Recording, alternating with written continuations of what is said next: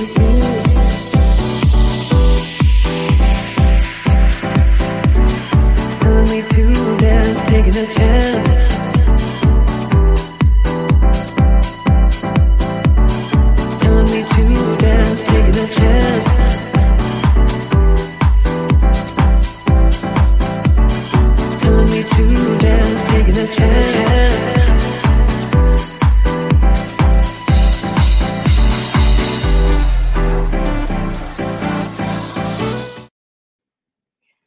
Witam Was serdecznie, Agnieszka Okońska. Dzisiaj 15 odcinek My Life, My Rules. E, ja dzisiaj nadaję z biura, bo nie zdążyłam nawet do domu, e, ale niezwykle interesującym e, gościem, ostatnio się mówi gościnią, będzie Dorota Szparaga, dziewczyna, która naprawdę wędruje przez swoje życie. Witaj Dorota, serdecznie Cię witam w, naszej audycji, w naszym programie My Life, My Rules. I tak jak zawsze prośba o przedstawienie się w kilku zdaniach, ale nie opowiedz od razu całego swojego życia, żebym miała o co Cię zapytać. Dobrze. E, nazywam się Dorota Szparega. Na co dzień pracuję jako analityk IT i proxy product owner w firmie ubezpieczeniowej. E, konkretnie w działce hurtowni danych i baz danych. E, natomiast e, w swoim czasie wolnym, e, kiedy tylko mogę, wyjeżdżam w góry i taką moją pasją są długodystansowe wycieczki górskie, takie, takie dłuższe spacery. Takie dłuższe spacery, zaraz o Takie dłuższe spacery, tak. Dla mnie dłuższy spacer to jest 5 kilometrów, to zobaczymy jak to się ma do Twoich dłuższych spacerów. Dobrze, ale zaczniemy Dorota od początku. Ja w międzyczasie oczywiście witam wszystkich, którzy z nami są teraz i w międzyczasie będą do nas dołączać. Dajcie znać, że jesteście z nami, to będzie nam raźniej. E, I też oczywiście przez cały czas możecie zadawać pytania w komentarzu. Jeżeli tylko zrobimy małą przerwę w moich pytaniach, to odniesiemy się do Waszych. Więc zaczynamy od początku, bo ten cykl My Life, My Rules powstał z myślą o tym, żeby z moimi e, gośćmi porozmawiać o tym, jak e, przechodzą przez to życie po swojemu, e, co jest dla nich ważne, co jest mniej ważne i to nie tylko w kontekście kariery zawodowej, bo tak trochę wokół tego krążymy oczywiście, ale to, co daje nam w życiu satysfakcję. I o tym chciałabym z Tobą porozmawiać, dlatego zawsze zaczynamy standardowo od samego początku, od naszych marzeń. Marzeń takich jeszcze nieskażonych środowiskiem, marzeń nieskażonych oczekiwaniami E, naszego otoczenia, e, nieskażonych od, też takimi oczekiwaniami zawodowymi, czyli to, o mhm. czym marzymy, jak jesteśmy dzieckiem, tak? Każde dziecko mówi tam, chcę być kimś, marynarzem, lekarzem, prawnikiem, kimkolwiek.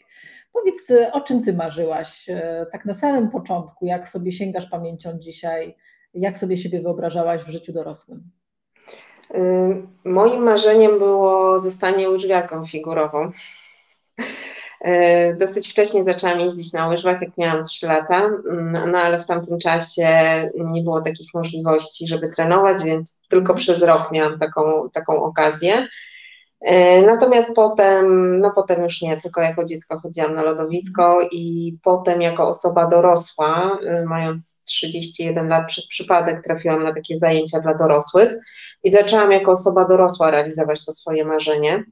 Realizowałam je przez 6 lat. E, także no, były to fajne czasy. Potem z, z, z łyżew e, przeszłam w góry, bo potrzebowałam trochę więcej przestrzeni. Łyżwy są piękne, cudowne, ale jednak cały czas jesteśmy zamknięci w jakiejś przestrzeni. No i brakowało mi, mhm. brakowało mi tego. Y, tego powietrza, a dodatkowo no, w Polsce nawet dla zawodowców y, trenowanie łyżwiarstwa figurowego jest wymagające, bo jest bardzo mało lodowisk, no i są to, to też duże koszty, natomiast y, no, to było bardzo fajne doświadczenie w moim życiu, sześć cudownie spędzonych lat na tafli lodowej, no a teraz realizuję kolejne. Natomiast jeśli chodzi o taką mm, karierę powiedzmy zawodową, nie miałam jakoś takich sprecyzowanych y, marzeń, raczej powiedziałabym, że szłam z prądem, mhm. opierając się na swoich y, zdolnościach, umiejętnościach. E, więc finalnie skończyłam matematykę i potem przez jakiś czas pracowałam w aktuariacie. Ogólnie to, to, życie zawodowe zawsze się kręciło wokół firm ubezpieczeniowych, już powiedzmy takie poważne życie zawodowe, no bo te pierwsze prace to były jakieś takie dorywcze. No i potem tak w zasadzie w tych ubezpieczeniach zostałam, tylko że y, ponieważ zawsze szukałam jakichś nowych wrażeń, no to y, w międzyczasie jeszcze pracowałam w kontrolingu, w ryzyku, które jest też bardzo specyficzne dla firm ubezpieczeniowych, no i też dla banków. No a finalnie przekwalifikowałam się i zostałam analitykiem IT. Y, no i teraz jestem proxy product ownerem i to w zasadzie jest taka praca, która no, która mnie satysfakcjonuje na ten moment i też, co jest ważne, pozwala mi łączyć to życie zawodowe z życiem prywatnym, bo był taki czas, kiedy no, bardzo dużo pracowałam, można powiedzieć, że nawet byłam pracocholikiem yy, i, i tego czasu na to życie prywatne było bardzo mało i teraz no, stwierdziłam, że wolę tak jak jest teraz mieć ten balans. Yy, także tak w tym momencie to wygląda. Powiedziałaś, że studiowałaś matematykę. To trudny kierunek, powiedz.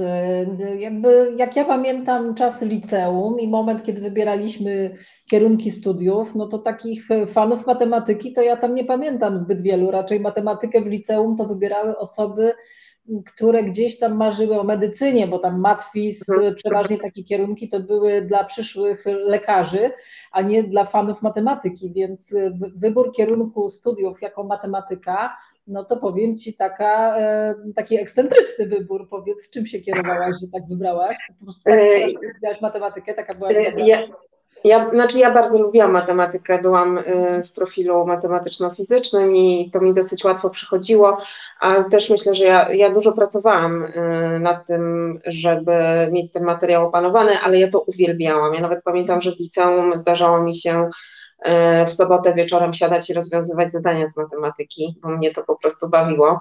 E, to się o tyle fajnie przełożyło na, na ten dalszy taki rozwój zawodowy, że bardzo łatwo mogłam się przekwalifikować na tą działkę IT, no bo jednak już miałam tą wiedzę, oprócz tej wiedzy biznesowej plus ścisły umysł, dosyć stosunkowo łatwo było mi wejść e, w te tematy informatyczne.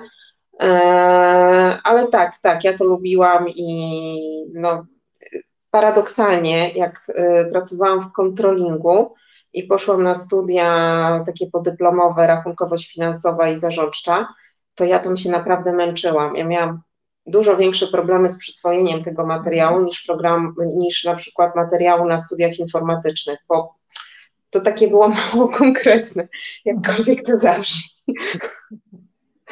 Rozumiem, że twój umysł jest bardziej zero-jedynkowy i po prostu... Tak, tak, to było...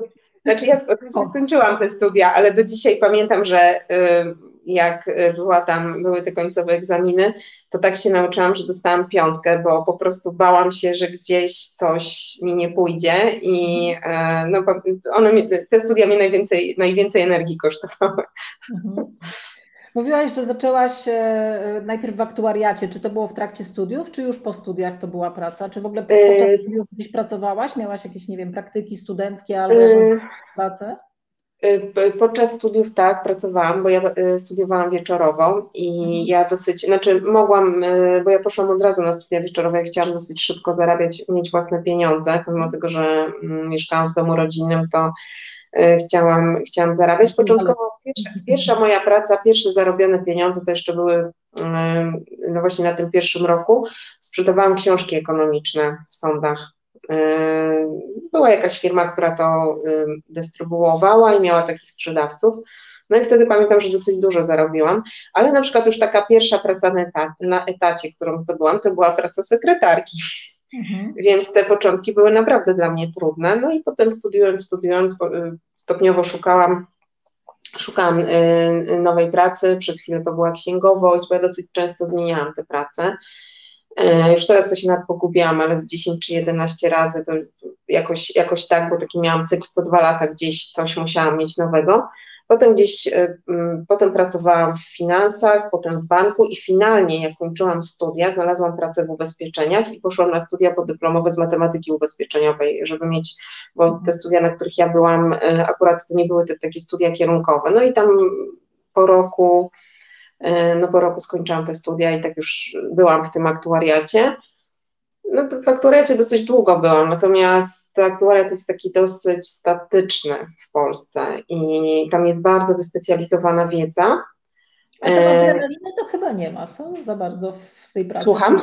Adrenaliny chyba za bardzo w tym Mm, to zależy gdzie, to zależy gdzie, to zależy co się robi, bo y, jeżeli, mm, jeżeli się y, na przykład robi produkty dla sprzedawców, to jest tak naprawdę robi się model produktów, czyli się wycenia. Sprzedawca mówi, słuchaj, chcę sprzedać mm, takie i takie ubezpieczenie, chcę na przykład sprzedać ubezpieczenie na dom, no i trzeba mu podać, za ile on może to sprzedać. Mówi, chcę z tego tyle i tyle prowizji i trzeba to obliczyć to my takich zamówień to mieliśmy dwa, trzy w ciągu dnia, więc to była praca na tempo, po czym y, też y, i to też była praca blisko zarządu, bo z zarządu też y, przychodziły zamówienia. To pamiętam, że wtedy była duża adrenalina. No i też była adrenalina, jak przez jakiś czas zajmowałam się liczeniem rezerw techniczno-ubezpieczeniowych, które mają ogromny wpływ na wynik firmy, a szczególnie w firmie majątkowej, bo tam się używa metod statystycznych E, no i można tym wynikiem sterować w różny sposób. No więc tam była adrenalina.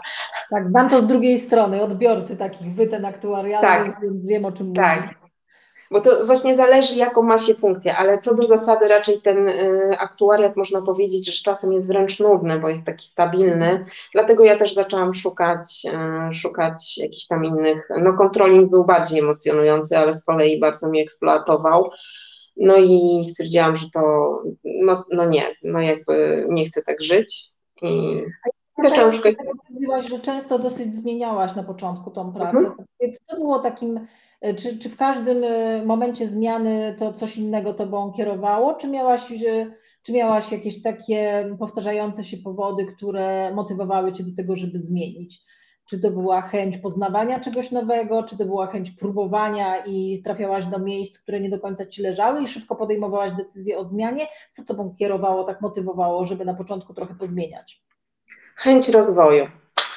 To była chęć rozwoju, bo dosyć y, te początkowe prace były w, stosunku, w stosunkowo małych firmach, więc ja dosyć szybko się uczyłam E, tych swoich obowiązków. Oczywiście no, można było próbować e, ubiegać jakiś awans, ale ja jakoś taka byłam niecierpliwa i mhm. uważałam, że, e, że nie, że ja chcę iść do kolejnej firmy, uczyć się nowych rzeczy i zawsze było tak, że jak zmieniałam branżę, znaczy branżę, to nawet nie branżę, bo branża ta sama, ubezpieczenia, ale obszar tematyczny, no to zawsze szłam jeszcze na studia podyplomowe, bo uważałam, że muszę się dokształcić w tym kierunku, więc w efekcie skończyłam cztery podyplomówki, już w którymś mam, i to był taki mechanizm, że okej, okay, idę do kontrolingu, to muszę mieć studia, idę y, do y, hurtowni danych, to muszę mieć studia.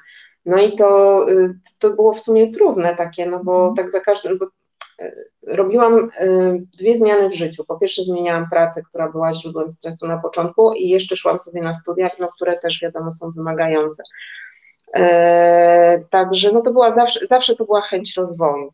Mhm. E, bo po prostu siedziałam gdzieś w innym miejscu i stwierdzałam, że ja się po prostu nudzę i że tak nie chcę. I dużo, dużo właśnie takiej energii w to, w to yy, inwestowałam, natomiast teraz po latach to widzę, że bardzo fajnie mi się to wszystko sprawdza tutaj, gdzie jestem, bo ta cała tak, wiedza biznesowa, tak, mhm. zdobyta w różnych miejscach, e, powoduje, że jestem w stanie dosyć szybko, wydaje mi się, odnaleźć się w każdym temacie, a przynajmniej jak nie, nie mam takiej wiedzy szczegółowej, no to wiem, gdzie jej szukać. I to jest fajne, plus jeszcze tam uzupełnienie tych y, umiejętności technicznych. Także... Powiedz, na samym początku, to, to, to, znaczy nie chodzi mi o pierwszą pracę, tylko te, te powiedzmy sobie pierwsze kilka. Y, czy jak dziś z perspektywy czasu sięgasz pamięcią, to był ktoś, y, kto cię inspirował albo na kogo patrzyłaś y, takim okiem trochę, że to twój mentor, albo że sposób e, bycia, sposób robienia kariery zawodowej, albo sposób pracy to jest taki, który ci e, się podoba i kiedyś byś chciała tak, e, tak sama działać w biznesie? Czy raczej nie spotkałaś nikogoś, nikogo takiego? takiego wzorca, wzorca to nie. Spotykałam na swojej drodze ludzi, którzy byli bardzo inteligentni i tymi bardzo imponowali. E, natomiast takiego wzorca, wzorca mm, raczej nie.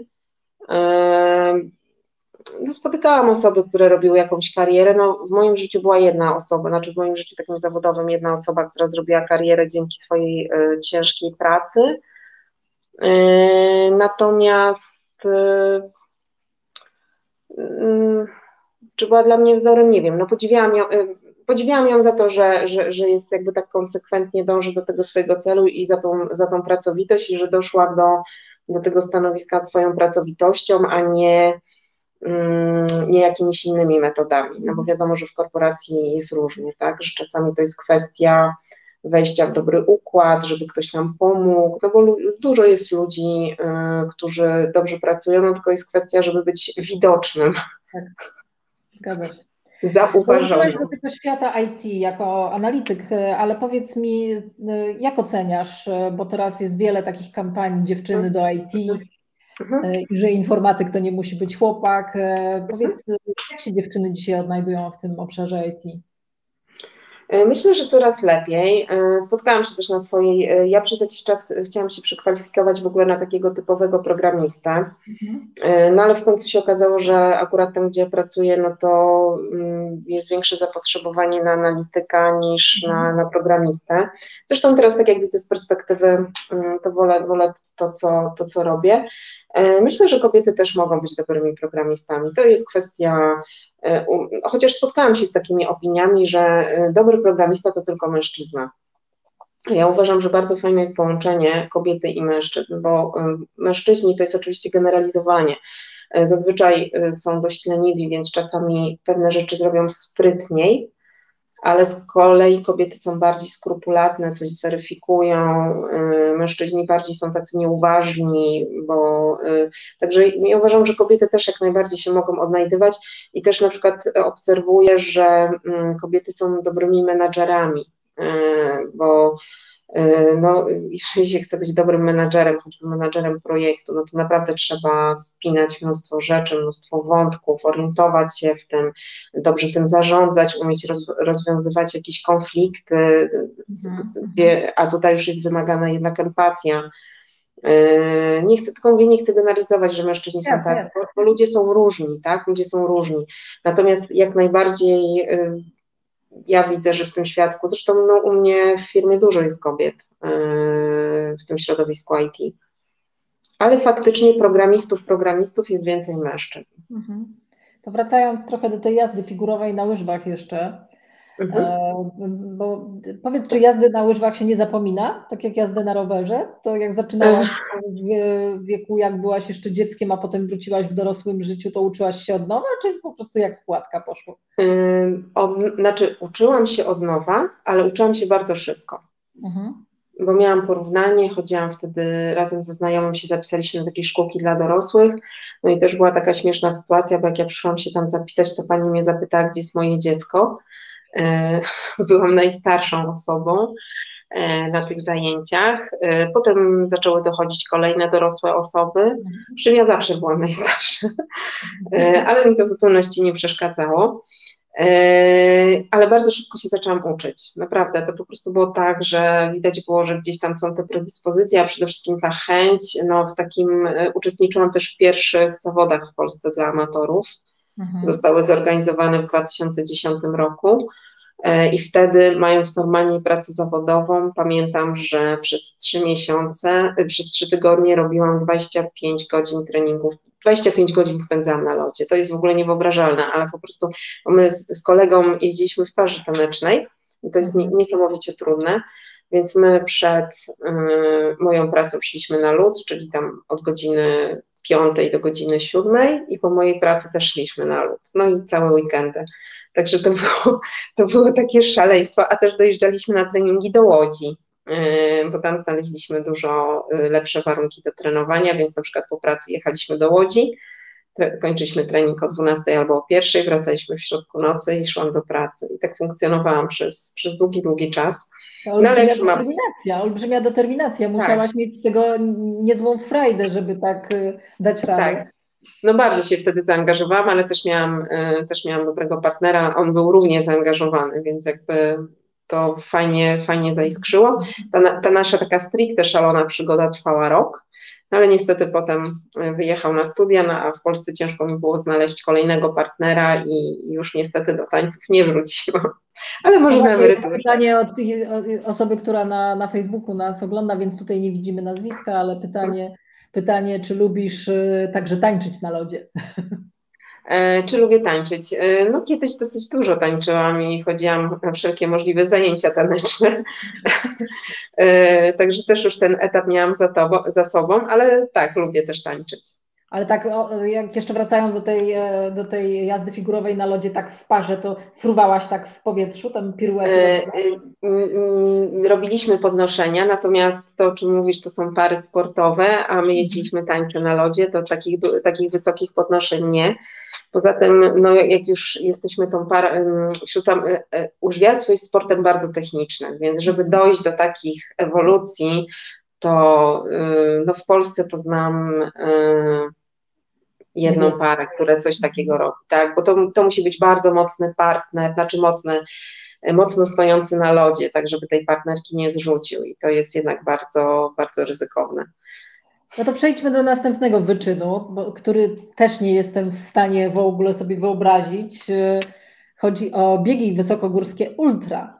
E, przyznam, tak. że e, mnie sprawia trudność bieganie po płaskim, nawet po bieżni, więc jeszcze po górach to, to już kompletnie dla mnie odlot całkowity. Opowiedz nam trochę o tym. E, jak zaczęłam szukać innych, innych aktywności niż łyżwiarstwo, to zaczęłam od biegania płaskiego, bo chciałam się przygotować do triatlonu. I był taki moment, kiedy łączyłam bieganie, rower, pływanie i łyżwy. Mhm. E, przez przypadek wystartowałam w biegu górskim na Kasprowy, przez przypadek, bo się zwolniło miejsce i kolega zapytał, czy, nie, czy no zadał to pytanie kilku osobom, ale wszyscy stwierdzili, że to jest szalony pomysł, a ja, że ciekawy. Mhm. No i, i poszłam, pojechałam na ten bieg na Kasprowy, byłam 30 od końca z tego co pamiętam, bo to był naprawdę mocny bieg, pomimo tego, że byłam wybiegana na płaskim, no to jednak e, bieganie na Kasprowy to jest zupełnie, tak, to jest inna liga, to jest zupełnie inny rodzaj wysiłku, inaczej się do tego trzeba przygotować, ale wtedy złapałam bakcyla e, i bardzo szybko e, weszłam w świat biegów ultra górskich. Zaczęłam od maratonu płaskiego w Krakowie, potem przebiegłam bieg rzeźnika, który miał 78 km i potem setkę w Krynicy. E, no ale jak tak sobie biegałam po tych górach, kiedyś pojechałam na taki fantastyczny bieg na Transwulkanie, e, to jest na e, wyspie kanaryjskiej La Palma, tam gdzie w tym roku wybuchł wulkan. Mhm. No i zobaczyłam, że ten świat tak za szybko przemija. I e, wybraliśmy się z kolegą pięć miesięcy później na wędrówkę z plecakiem, szlakiem e, Gier 131. No i potem z tego biegania dosyć płynnie przeszłam na e, wędrówki takie długodystansowe. Że no ten dystans musiał być taki od 800 do 1000 kilometrów. To wtedy, wtedy, było, wtedy było ok. Niesamowite, powiem Ci szczerze, ale też mam takie wspomnienie kiedyś, jak wracaliśmy z wakacji i e, był gdzieś e, w, w górach we Włoszech, jakiś był w tunelu e, karambol i po prostu musieliśmy objechać to przez przełęcz, przejechać samochodem i my mieliśmy problem, żeby tym samochodem tam przejechać, bo w górach już było oblodzenie, a tam ci biegacze wyprzedzali nas. Byłam pełna podziwu dla nich jak oni to potrafią. Mamy kolejne pytanie, które nawiązuje do Twojego biegania, więc zanim przejdziemy do następnego, to pozwolę przeczytać. Tu e, Kasia Krawczyk e, szykuje się do, e, do dziewiczego maratonu i może masz jakąś wskazówkę z własnego doświadczenia dla niej. Ale dziewiczego płaskiego czy dziewiczego płaskiego. górskiego? Płaskiego. Płaskiego. No, ja bym na początku wybrała maraton, który jest blisko miejsca zamieszkania. E, z powodów bardzo praktycznych. Po prostu y, mm, to jest jednak duży, duży wysiłek i trzeba być wypoczętym. Ja na pierwszy maraton wybrałam Kraków, mieszkając pod Warszawą i to pamiętam, że jak wystartowałam, byłam bardzo zmęczona. Więc ten pierwszy maraton to bym sobie zrobiła naprawdę blisko własnego domu, miejsca zamieszkania, a już kolejne, no to ja bym szukała za granicą, na przykład w Hiszpanii, Barcelona, Madryt, E, bo no, w Polsce ta organizacja biegów jest dobra, ale to, czego nam brakuje, to fantastycznej takiej publiczności, bardzo mocno zaangażowanej. Ta publiczność jest, ale to nie jest to, co jest na południu. Mhm. E, właśnie Bo Barcelona. To dodaje skrzydeł. Tak, to dodaje skrzydeł. To dodaje skrzydeł i zupełnie, no kwestia pewnie kultury, nie wiem, może innego klimatu, ale też przy okazji wtedy można y, połączyć to, to ze zwiedzaniem. Natomiast ten pierwszy to bym tak zrobiła, żeby przede wszystkim poznać swój organizm, tak jak on się zachowuje. Mhm. Bo to już jest taki dystans, pomimo tego, że ja to przebiegłam, no to jakby wiem, z czym to się wiąże, dlatego tak mówię, tak, że, że to jest dystans naprawdę wymagający. Mhm. No dobrze, to pójdźmy dalej do tych Twoich spacerków. Jak odkryłaś, powiedz, jak odkryłaś w ogóle taką, po pierwsze, dyscyplinę, e, taki, taki rodzaj aktywności e, sportowej, fizycznej? E, skąd odkryłaś tą pasję do tych długodystansowych wędrówek? Ja, ja, ja ciągle czegoś szukałam, co da mi taką pełną satysfakcję. No i tak jak po tym wspominałam, po tym biegu się tam na Transwulkanie wybraliśmy z kolegą na ten szlak długodystansowy, no to mm, tam jeszcze tak nie złapałam tego bakcyla, ale wiem dlaczego, bo on był za krótki. E, I rok później. Jeszcze raz ten za krótki to ile miał kilometrów? On miał jakieś tam 350 w sumie. Ale jeszcze się przemieszczaliśmy między wyspami, bo to mm, my tam przeszliśmy przez pięć mhm. wysp kanaryjskich, e, więc no ale był za krótki. I rok później się wybraliśmy z kolegą w Pireneje, tam jest taki szlak Transpirenejka, akurat po stronie hiszpańskiej on ma oryginalnie 850 km, natomiast my w planach mieliśmy 750, bo mieliśmy tylko 3 tygodnie wolnego. No ale finalnie zrobiliśmy tylko 650. I ja byłam bardzo rozczarowana, e, że tak mało, że nie skończyliśmy, no ale zabrakło nam po prostu doświadczenia i też zgrania, e, bo byliśmy zupełnie, e, każdy z nas miał swoje, swoje tempo ale bardzo dużo się wtedy nauczyłam i rok później miałam pierwszą samotną podróż i właśnie na ten szlak. E, I wtedy zrobiłam go 850 kilometrów i no i od tamtego momentu się zaczęło. Już wsiąkłam. E, w zeszłym roku, ponieważ była pandemia, to zostałam w Polsce, no ale w Polsce e, jest główny szlak Beskidzki, więc, który ma 500 kilometrów. To jest taki najbardziej kultowy szlak w Polsce, jeśli chodzi o szlaki długodystansowe. Teraz to w ogóle przeżywa renesans, bo przez pandemię ludzie odkryli polskie, Polacy odkryli polskie góry. No i to, co się dzieje na tym szlaku, to jest szaleństwo, a ja go jeszcze w zeszłym roku zrobiłam w dwie strony. Doszłam tam do do tak zwanej kropki, bo szlaki są oznaczone, początek i koniec jest oznaczony kropką, więc doszłam do kropki, odwróciłam się na pięcie i poszłam do drugiej kropki, więc to też było takie ciekawe doświadczenie. E, I teoretycznie, no powiedzmy, że góry w Polsce nie są tak wysokie jak e, w innych krajach, ale była fatalna pogoda, a ja jeszcze miałam namiot, więc de facto, no, to, to no, była to wymagająca wycieczka. Ale to powiedz, e, ile dni potrzebujesz na przykład na 500 kilometrów? E, ile dziennie pokonujesz średnio? To jest, e, no tam mi wyszło średnio 40. Mhm. Ale, ale szłam z namiotem, bo to wszystko mhm. też zależy, czy się idzie z namiotem, czy nie, bo jednak namiot spowalnia. W tej chwili oceniam, że byłabym w stanie pokonać go szybciej, ale też dużo zależy od pogody. Dużo zależy. Wtedy pamiętam, że najmniej zrobiłam 27, a najwięcej 50. Mhm. 50 coś. Także jak były te dobre... 500, jak zrobiłaś w jedną stronę i stwierdziłaś, że to tak w sumie szybko minęło, że wracam y, i zrobiłaś drugie 500, to ile dni ci to wszystko zajęło? 25. 25 dni. Y, tak dla porównania, y, przewodnik jest rozpisany na 18 dni w jedną stronę. E, a tak średnio w roku ile na spacerkach e, spędzasz? No i to jest ciekawe, bo jak sobie w sumie nie zrobiłam takich statystyk, ale w zeszłym, yy, znaczy jeśli mówimy tylko o wyjazdach w Polsce w góry, mhm.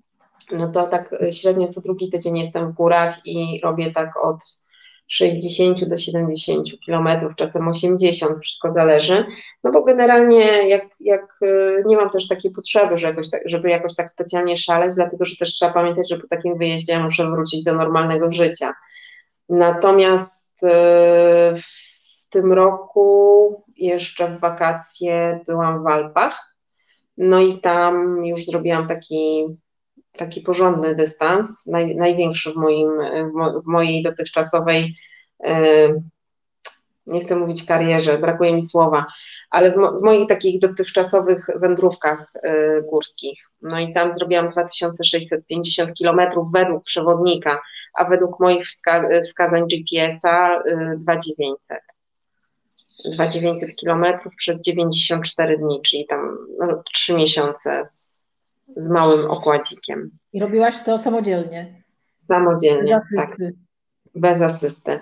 Tam przez, przez chwilę był na szlaku kolega, który kręcił film, bo był dwa razy u mnie, yy, natomiast no, on co do zasady mi nie pomagał. Pomagał mi tylko w kwestii jedzenia w taki sposób, że ja sobie zostawiałam u niego jedzenie w samochodzie, jak się spotykaliśmy, znaczy przywiózł mi jedzenie z Polski przygotowane mhm. przeze mnie i tylko po prostu brałam. No to było duże ułatwienie, aczkolwiek nie było, nie było tak, że mi gotował obiadki albo że nosił plecak za mną. Także, także tak, samodzielnie.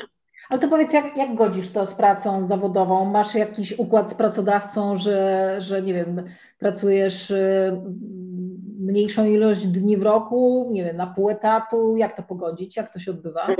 W ciągu roku pracuję cały czas na etacie. Mhm. bez żadnych ulg. E, natomiast e, w tym roku po raz pierwszy zaryzykowałam urlop bezpłatny. Mhm. Miałam duże obawy, żeby w ogóle o to prosić, no bo to jest taka obawa, czy człowiek będzie miał do czego wracać, mhm. a też nie chcę rzucać tej pracy, bo no pewnie znalazłabym inną, tylko jakby no tutaj też długo pracowałam na to, żeby być tu, gdzie jestem i nie chciałabym zmarnować tego wysiłku i też dobrze mi się tutaj pracuje, bo są bardzo, bardzo fajni ludzie. Mm, więc zapytałam o urlop bezpłatny. No i mój mhm. szef się zgodził. Mhm. Ale tak też tak rozmawialiśmy, że przecież no, czasem dziewczyny idą na macierzyńskie i nie ma je, na, na, znaczy na, no, na urlop, no tak, na macierzyńskie, nie ma ich dużo dłużej i normalnie wracają do pracy i funkcjonują. Mnie nie było w pracy przez trzy tygodnie. Fakt, że moje obowiązki, musiałam to najpierw jeszcze uzgodnić ze swoimi współpracownikami, no bo też musieli przejąć moje obowiązki.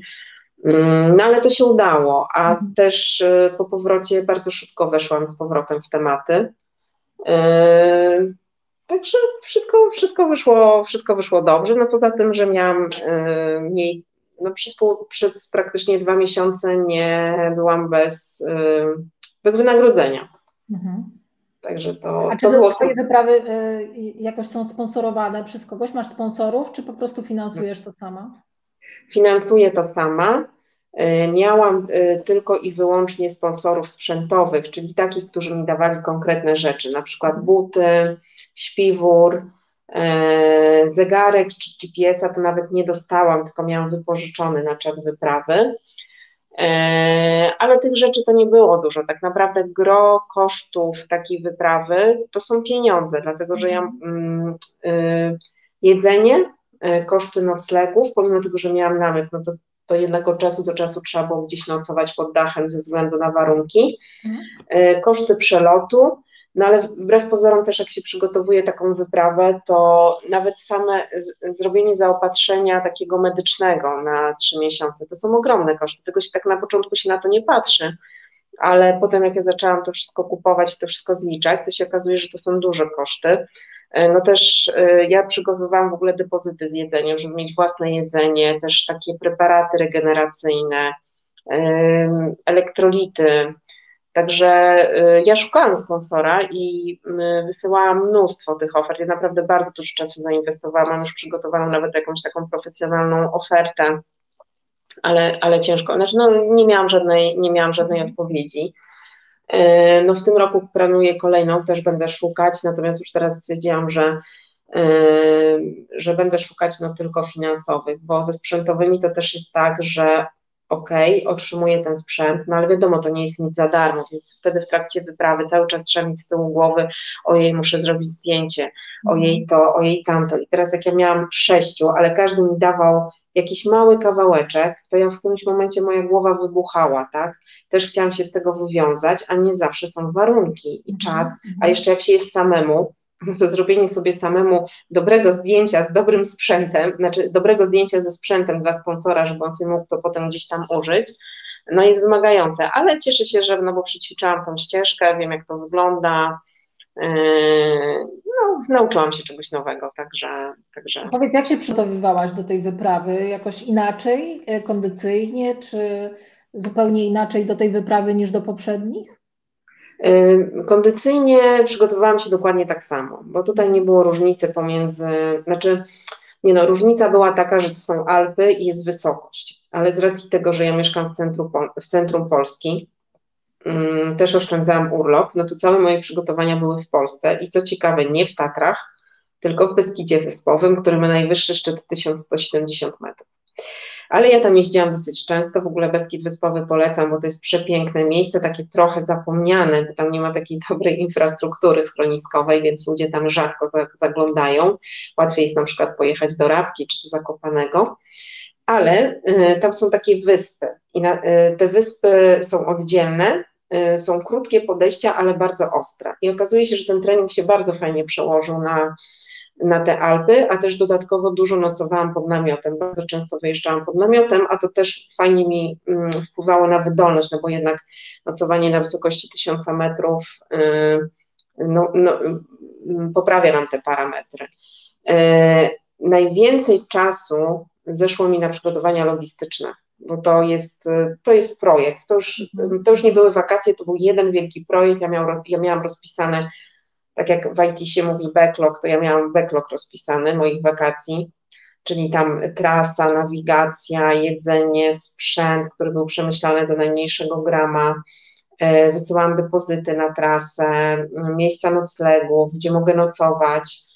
E, osiem krajów, więc też, też musiałam rozpoznać takie tematy jak właśnie jak, jaka tam jest infrastruktura, jakie tam są w ogóle ceny, żeby policzyć koszty, y, jak jest z internetem. Mhm. Także tam tak jak naprawdę, jak zaczęłam już to wszystko tak realizować, to ja się zaczęłam łapać za głowę, na co ja się porwałam, że to w ogóle, że chyba tak nie do końca to było przemyślane, ale teraz z perspektywy czasu myślę, że to dobrze, bo czasem mm, widzę, że zrobiłam taki duży krok w przód. Gdybym y, porwała się tam na dystans 1000 kilometrów w Alpach, to tak naprawdę nic by mi to nie dało poza jakąś tam przyjemnością, a też nawet myślę, że nie satysfakcją, bo to by było za krótko. A mhm. tutaj po prostu nauczyłam się tego planowania, y, doszłam do momentu, kiedy poczułam się usatysfakcjonowana, aczkolwiek jakbym y, mogła podróżować dalej, to była siła, żeby iść dalej. E, więc mogłabym wrócić innymi kolorami, na przykład zrobić 5000. Bo już, Rozumiem, że jesteś trochę uzależniona już od tego chodzenia. E, tak, bo to jest dużo, mm, w ogóle mm, to nawet nie chodzi o samochodzenie, bo takie szlaki długodystansowe to to jest taki trochę czek przechodzi w inny wymiar. Yy, mm, przy czym no, trzeba być przygotowanym fizycznie, bo jeżeli, bo jeżeli tego nie ma, to dosyć szybko poczujemy zmęczenie i stwierdzimy, że to jest bez sensu.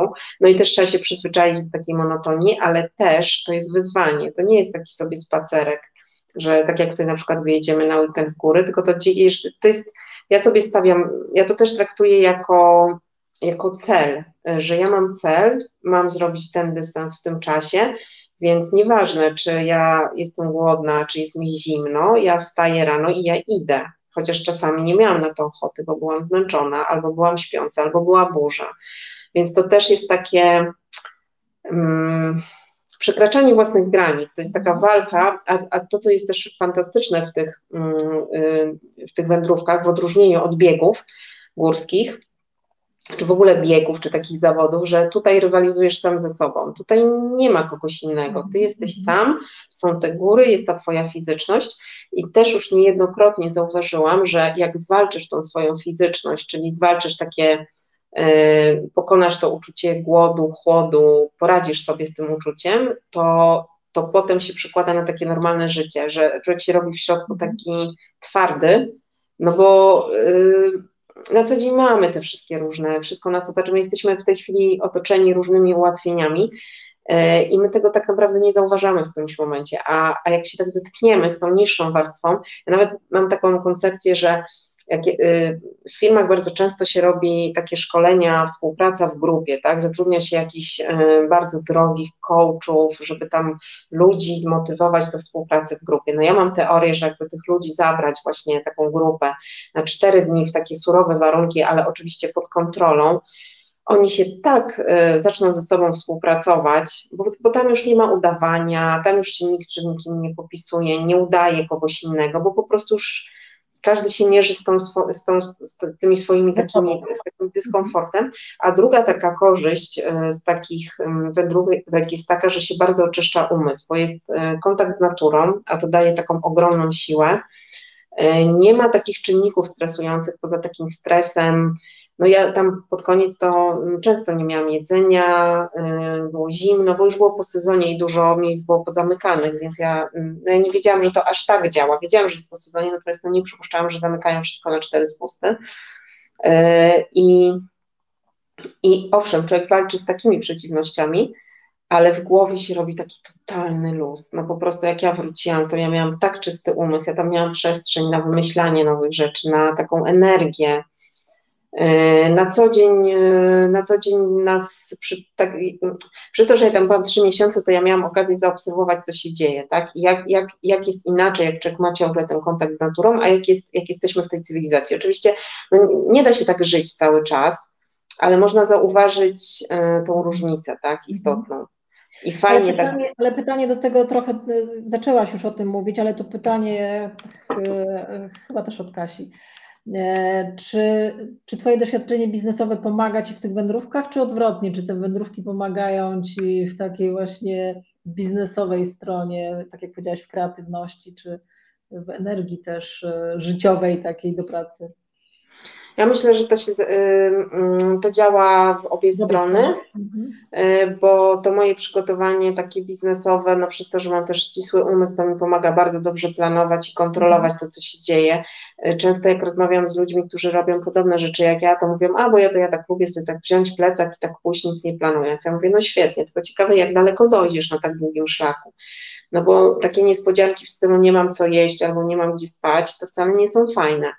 E, więc to mi się bardzo fajnie przekłada, bo ja to wykorzystuję mm, wiele jakichś takich mechanizmów z pracy y, w górach, e, a z kolei w drugą stronę, jak wracam, nawet, ja, ja teraz bardzo, y, bardzo często wyjeżdżam w góry, bo teraz jeżdżę trochę po Polsce z prelekcjami na temat y, tej mojej wędrówki.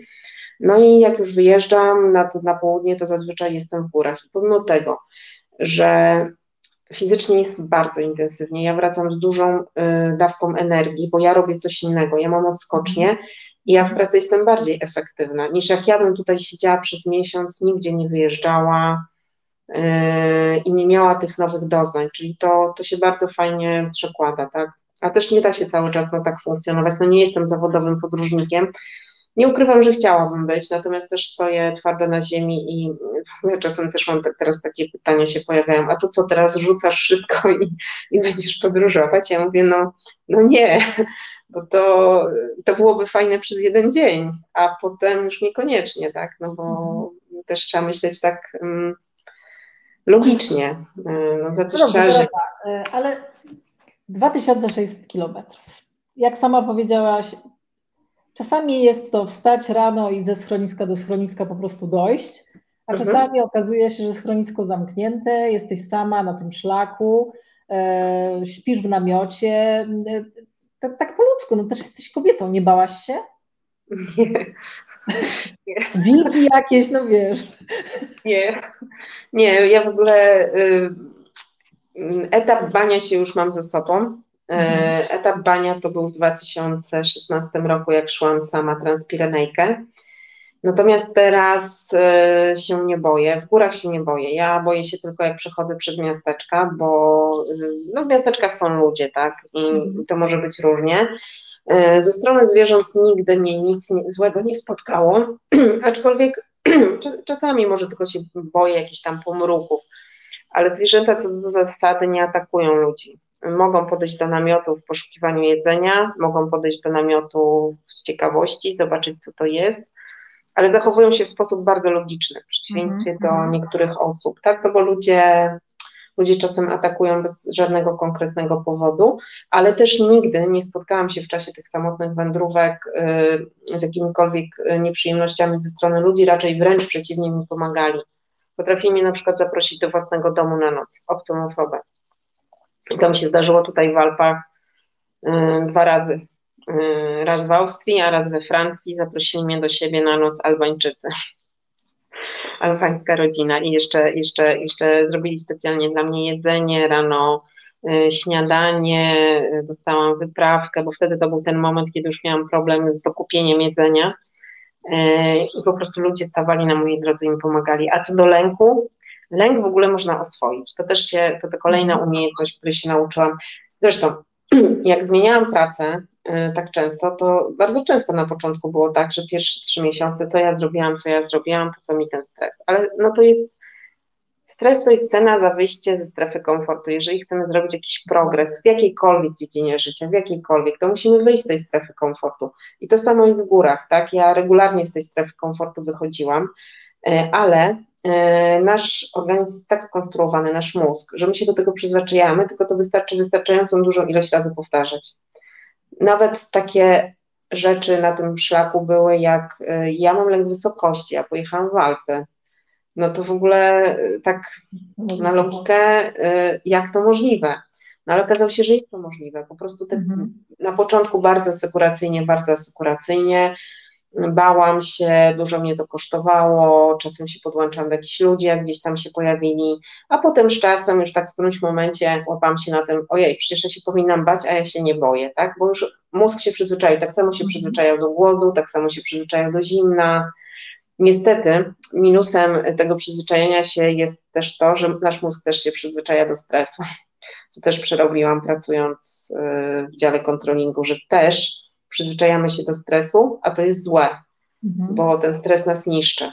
Yy, więc, ale też można właśnie za, zaobserwować mnóstwo takich mechanizmów, które się dzieją, które potem można przenieść na to normalne życie. Ja też tam miałam bardzo mocną motywację, bo ja wiedziałam, że albo zrobię to teraz, albo w ogóle.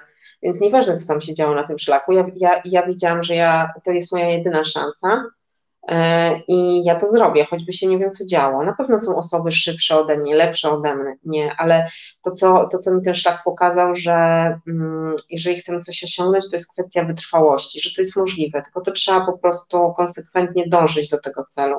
No i to się przekłada na inne dziedziny życia, jak najbardziej. A w jakiej temperaturze najniższej spałaś na przykład? Ja myślę, że około minus pięciu. Tak, yy, nie patrzyłam, ale tak przed. Yy, słucham? Jest to trudne? Tak, pod namiotem tak, szczególnie, że to był ostatni, mm, y, w Polsce w najniższej to było minus 16, ale mm, na takich krótkich wyjazdach weekendowych ja jestem najedzona, ja jestem stosunkowo wypoczęta, więc ja tak nie marznę. Mhm. Natomiast przy y, wędrówce długodystansowej, gdzie ja straciłam bardzo dużo wagi, bo ja tam schudłam 17 kilo, pod koniec ja nie miałam dużo jedzenia, jak ja miałam 2000 kalorii na dzień, to, to wszystko. E, miałam gaz, więc mogłam sobie zagotować ciepłą wodę, ale ja i tak w nocy marzłam. Pomimo tego, że miałam śpiwór, pomimo tego, że miałam folię NRC, pomimo tego, że miałam ciepłe jedzenie, no to zdarzało się tak, no przed ostatnią noc to praktycznie nie spałam, całą noc się trzęsłam. No i niestety po takiej nocy następnego dnia tej energii nie ma, no a trzeba tą wędrówkę kontynuować, ale za to następną już spędziłam właśnie u Albańczyków, także już tam się wygrzałam, ale to jest wszystko do przeżycia. brakowało jedzenia, na przykład doszłaś do miejsca, w którym spodziewałaś się, że przenocujesz i coś zjesz, a tam zamknięte. I jak sobie radziłaś z takimi sytuacjami? No raz miałam taką sytuację, mhm. że y, znaczy ogólnie y, miałam jedzenie y, zawsze jakieś takie rezerwowe, jakieś tam 300 mhm. kalorii, to zawsze miałam, natomiast zdarzyło mi się tak, że jednego dnia miałam tylko suchy chleb i ser, bo oparłam się, e, bo kolega właśnie miał przyjechać, który kręcił film, ale nie przyjechał, bo no, był jakiś tam wypadek losowy i przyjechał trzy dni później, a ja już nie miałam sklepu. No i praktycznie przez 24 godziny byłam w ogóle bez jedzenia. E, natomiast miałam obiecane jedzenie w schronisku szwajcarskim, które mi załatwiła taka dziewczyna napotkana na drodze. No i pamiętam, że wtedy Obudziłam się rano bardzo głodna, no i tak 6, 5 godzin chyba wtedy szłam do tego schroniska bez jedzenia, no to tylko się modliłam, żeby, żebym nie zemdlała, no bo, no żeby mi cukier nie spadł, bo uczucie głodu to już było akceptowalne, już po prostu jakby to nie był problem. Problemem było to, żebym ja nie padła tam, e, no ale nie padłam.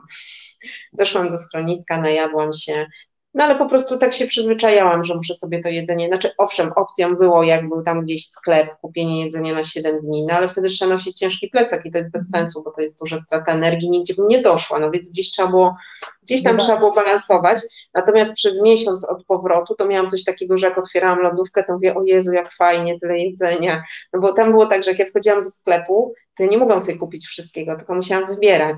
Mhm. Jak wchodziłam do knajpki, te, y, znaczy rzadko mi się to zdarzało, ale jak tam zdarzyło się, to też nie mogłam zjeść wszystkiego, bo mój żołądek był za mały, żeby to wszystko zjeść, więc to były takie, no to, to takie człowiek się tak czuje, już tak sobie myślę, nie zazdroszczę bezdomnym, naprawdę, bo to tak momentami zaczynasz się czuć jak taki trochę bezdomny po prostu, mm.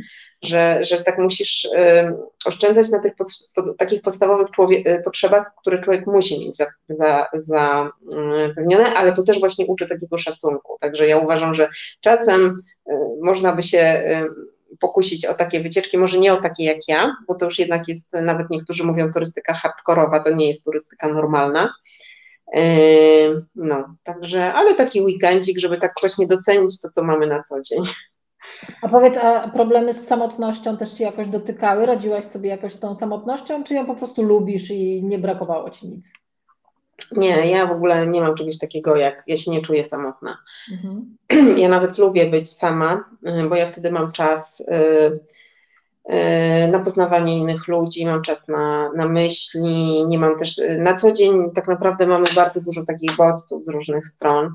I ja lubię tą swoją samotność, bo ja się wtedy mogę wyciszyć, ten umysł jest taki spokojny, nie jest, ten układ nerwowy nie jest e, taki przebodźcowany, a ja się nie czuję samotna, bo ja zawsze mam o czym myśleć.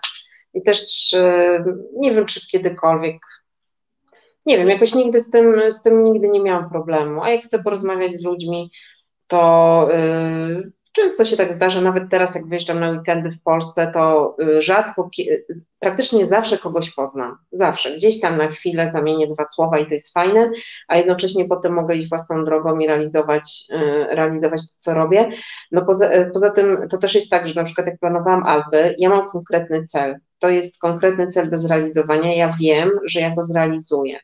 Natomiast jeżeli ja się umówię z kimś, ja nie mam pewności, czy ta osoba rzeczywiście jest tak zdeterminowana, a wakacje mam tylko jedne. A z drugiej strony, jak z nią pojadę, no to jej nie zostawię, tak? No bo to są góry i, i no, no i jest to jakieś tam partnerstwo.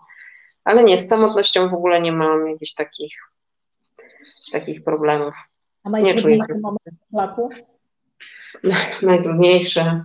Najtrudniejszy to był w Szwajcarii. W ogóle w Szwajcarii to no, Szwajcaria była bardzo trudna, Szwajcaria była bardzo stresująca i nawet e, jak skończyłam ten odcinek w Szwajcarii, który był dosyć długi, to stwierdziłam, że już nic nie będzie takie samo, bo mi się po prostu psychika w ogóle stwarniała. Ja już potem byłam odporna na różne historie. E, no tam było wiele takich źródeł stresu, bo finanse, tam jest niesamowicie drogo, nawet Szwajcarzy mówią, uważaj, bo Szwajcaria jest droga. Ja mówię, no, no rzeczywiście tania nie jest. E, druga rzecz, ostry klimat. E, I już pierwszej nocy miałam taką sytuację, że na mapie było zaznaczone schronisko, a go nie było. I rozbijałam namiot o, o chyba o 20, 20.30 w śniegu na wysokości 2400. Nie miałam gazu, bo w Szwajcarii nie można kupić gazu, więc nie miałam, co się przykładało na to, że nie miałam nic ciepłego. A następnego dnia miałam perspektywę pokonywania szlaków w deszczu pomiędzy wysokościami 2400-2600 totalnie przemoczona i totalnie przemrożona. No wtedy to no, naprawdę było mi ciężko. Y, w no, a w nocy w ogóle nie spałam, bo praktycznie cały czas się trzęsłam. Ale miałaś, no, takie, takie, miałaś takie myśli, żeby, żeby przerwać wtedy? No nie bardzo, bo tam nawet nie było gdzie przerwać. Nie było jak. Jak się rano obudziłam, to tak sobie myślę, no dobra, zakopię się w tym namiocie i tak sobie tutaj przeleżę. No ale potem sobie myślę, no dobrze, no ale to tak, jak sobie tak będę leżeć, to złapię hipotermię i, mhm. i skończy się tak, że będę musiała wzywać pomoc. E, więc jedyny, jedyne rozsądne, mm, rozsądne działanie to jest po prostu zebranie tego namiotu i ruszenie się No i tak już po dwóch godzinach mi się zrobiło ciepło. I potem, jak już mi się zrobiło ciepło, to było ok, a wieczorem e, zanocowałam w jakimś pensjonacie. E, no już wtedy to już nie miałam głowy, żeby rozbijać namiot, bo już mówię, nie, no muszę, a żeby było śmieszniej w tym pensjonacie wcale nie było ciepło. tak, pensjonat za 80 franków i jeszcze nie było, no grzejniki były zimne, grzejniki były zimne, więc nawet nie, nie zdołałam wysuszyć ubrań. I to jest to, co też w Szwajcarii jakoś tak mnie zaskoczyło, że pomimo tego, że się płaci naprawdę duże pieniądze, Mhm. to nie y, dostajesz tego, na co liczysz. Nie dostajesz, naprawdę. Austriackie, włoskie, słoweńskie y, schroniska czy pensjonaty, tam jak się wchodziło, y, grzejniczek włączony. A tutaj pensjonat, kolejny to pamiętam, zapłaciłam 125 franków, ale to też tylko dlatego, że ktoś mi dał pieniądze na ten pensjonat, taka dziewczyna poznana na drodze, dała mi po prostu pieniądze, bo chciała mi załatwić hotel, ale nie było miejsca i mówi, to weź te pieniądze, to sobie kupisz za nie buty albo coś. I ja te pieniądze wydałam i też nie było grzejnika włączonego. I ja mówię, kurczę, no po prostu jakaś masakra. Yy, ale natomiast nigdy nie miałam tak, że chciałam zejść z tego szlaku, nigdy, no bo ja wiedziałam, że ja chcę to zrobić, tak, no i też jakby miałam doświadczenia z wcześniejszych wędrówek, aczkolwiek jak patrzę na te Alpy, to naprawdę tam było ciężko. Ja nie przypuszczałam, że, że będzie aż tak ciężko. Ale jest Solidarność na szlaku, bo powiedziałaś, że tam ci ktoś pomógł w znalezieniu schroniska, ktoś dał pieniądze, jest Solidarność na szlaku, tam się wspierają ci ludzie, którzy się mijają gdzieś? E, ja takich piechurów jak ja miałam bardzo mało, e, to mhm. raptem pojedyncze osoby, ale na przykład właśnie ta jedna Szwajcarka, dziewczyna, która szła w przeciwną stronę, ona jest ze Szwajcarii i ona właśnie powiedziała, że e, słuchaj, Szwajcaria jest droga, ale tutaj mój znajomy prowadzi schronisko, ja ci tam załatwiłam nocleg i jedzenie, żebyś mogła się najeść i wypocząć. E, no i też często jak ludzie mnie spotykali na szlaku, ale to byli raczej albo turyści, albo miejscowi, to mnie zaczepiali. E, ciekawiła ich moja historia, bo wyróżniałam się dużym plecakiem i zdartymi butami i bardzo często oferowali pomoc. To była pomoc e, różna. Zapraszali mnie na nocleg, zapraszali mnie na kawę, płacili mi za jedzenie i to było tak, że no mnie to krępowało, ale mówili, ale ja chcę, ja bym bardzo chciał Ci pomóc, e, dla mnie to nic nie znaczy, e, w sensie tak jak no, z tą Szwajcarką było, ona mówi, słuchaj, ja mam pieniądze, proszę Cię weź, bo ja bym Ci chciała pomóc, chciałabym być częścią Twojej wyprawy, tak, więc także ja tam naprawdę, ja miałam tyle pomocy, takiej zupełnie niespodziewanej, bo ja co, co do zasady liczę na siebie, nie liczę, że ktoś mi pomoże. Jak pomoże, to fajnie, ale, ale jak nie, no to też sobie poradzę. E, a to było takie w ogóle niesamowite. Też mam kilka bardzo fajnych znajomości takich zagranicznych z tego, z tego czasu. Mm, co ciekawe, najwięcej kobiet, e, bo, bo kobiety właśnie są takie, e, mówią, o, ale fajnie, ale mnie tam zainspirowałaś. To też jest takie dla mnie, zresztą nawet tutaj w Polsce często dostaję na Facebooku takie wiadomości, że kogoś do czegoś zainspirowałam. I to, i ktoś mówi, ojej, ale ja przeszłem tylko tam, nie wiem, 100 kilometrów, ja mówię, okej, okay, no to nieważne, ale przyszedłeś, tak, coś zrobiłeś, wyszedłeś z tej swojej mm. strefy komfortu, coś jakby pokonałeś jakąś swoją granicę, no każdy tą granicę ma ustawioną gdzie indziej, to, że ja mam tu, gdzie mam, no to, to, to jestem ja, tak, ale to nie znaczy, że każdy nagle musi robić Bóg wie co i yy, no nie ma sensu się porównywać do innych, stawiamy sobie swoje własne cele, tak, i możemy je realizować. Także no, ja wróciłam. Jeśli opowiadasz o tej swojej wyprawie, tak. powiedz, e, o co najczęściej Cię pytają? E, często mnie pytają, czy e, nie boję się sama, mhm. czy się nie boję zwierząt, jaki sprzęt miałam, bo to też jest naj, najczęściej mhm. takie pytanie.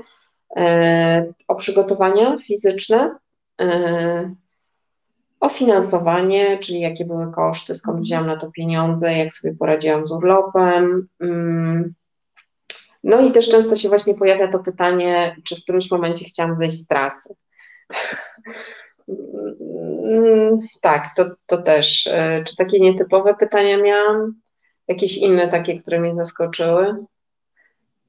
Nie, chyba nie. Jakoś to, to taki, zazwyczaj jest taki, zazwyczaj jest taki katalog mhm. pytań. Albo, no i co bym polecała oczywiście w tych Alpach dla osób, które chciałyby przejść coś krótszego.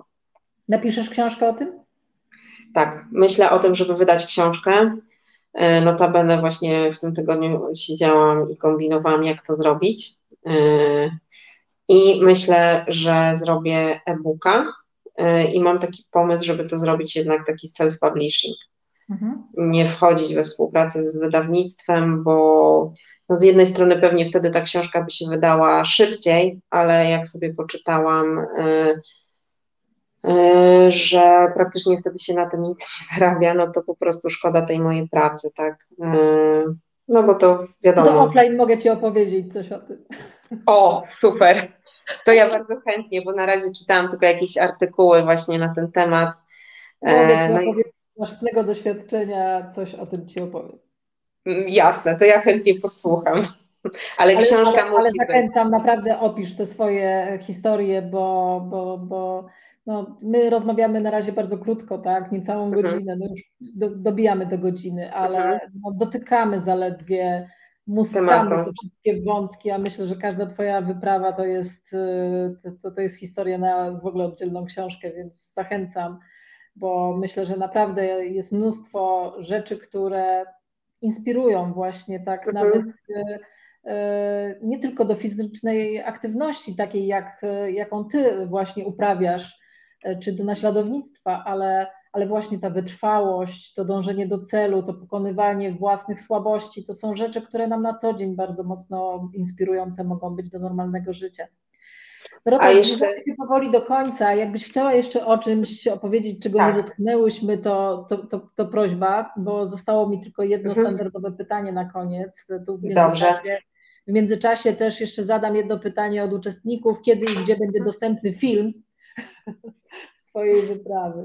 Dobrze, to ja jeszcze tylko dodam jedną rzecz, którą też chciałam poruszyć, bo ja mam fanpage na Facebooku od, y, od momentu, kiedy zaczęłam robić GSB, czyli od 24 maja 2020 roku. No i często większość obserwujących, no tam powiedzmy 60% są kobiety. No i też to, co obserwuję, że kobiety często boją się coś robić same, boją się z różnych powodów, po prostu boją się bo są przyzwyczajone, że ciągle są tam w jakimś takim, dobra, może nie stereotypie, no ale większość z nas jednak żyje, jesteśmy, y, jesteśmy ludźmi stadnymi, ale to nie znaczy, że raz na jakiś czas nie możemy się wyrwać z tego stada, bo to bardzo fajnie uzdrawia, więc widzę, że, że taka kwestia się pojawia i wiem, że część dziewczyn się odważyła właśnie wyruszyć i to, to nie chodzi o taką wyprawę jak moja, to, to może być zwykły zwykłe wyjście na jeden dzień w górę, ale takie, że nie ma rodziny, nie ma dzieci, nie ma męża, po prostu jedzie sobie sama i odpoczywa. E, I, i, a druga rzecz, nie wypada.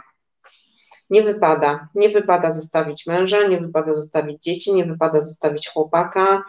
E, I to też, e, też myślę, że to taka kwestia, która się gdzieś tam często pojawia i jednak zachęcałabym, że że warto z, y, czasem z takiej wolności skorzystać, y, bo to potem dobrze wpływa tak, na nas, bo my sobie układamy pewne rzeczy w głowie, a druga rzecz potem też na tą rodzinę, bo dziewczyny wracają spokojniejsze, bardziej wyluzowane, mają więcej energii po prostu na y, radzenie sobie z tym takim codziennym życiem i natłokiem obowiązków. Z większą pewnością siebie i wiarą. Tak, i kobiety mogą, naprawdę, kobiety są mocne, tylko to trzeba po prostu zrobić ten pierwszy krok, jak zobaczymy, że to się udaje i że o Jezu, świat się nie zawalił, a ja dałam radę, mhm. e, no to i stopniowo gdzieś tam sobie przesuwać te granice, jeżeli mam na to, na to taką ochotę, bo to też nie każdy musi mieć od razu, nie wiem, na przykład na chodzenie po nocy w górach, no bo to też nie jest dla każdego i nie każdy musi czerpać z tego przyjemność.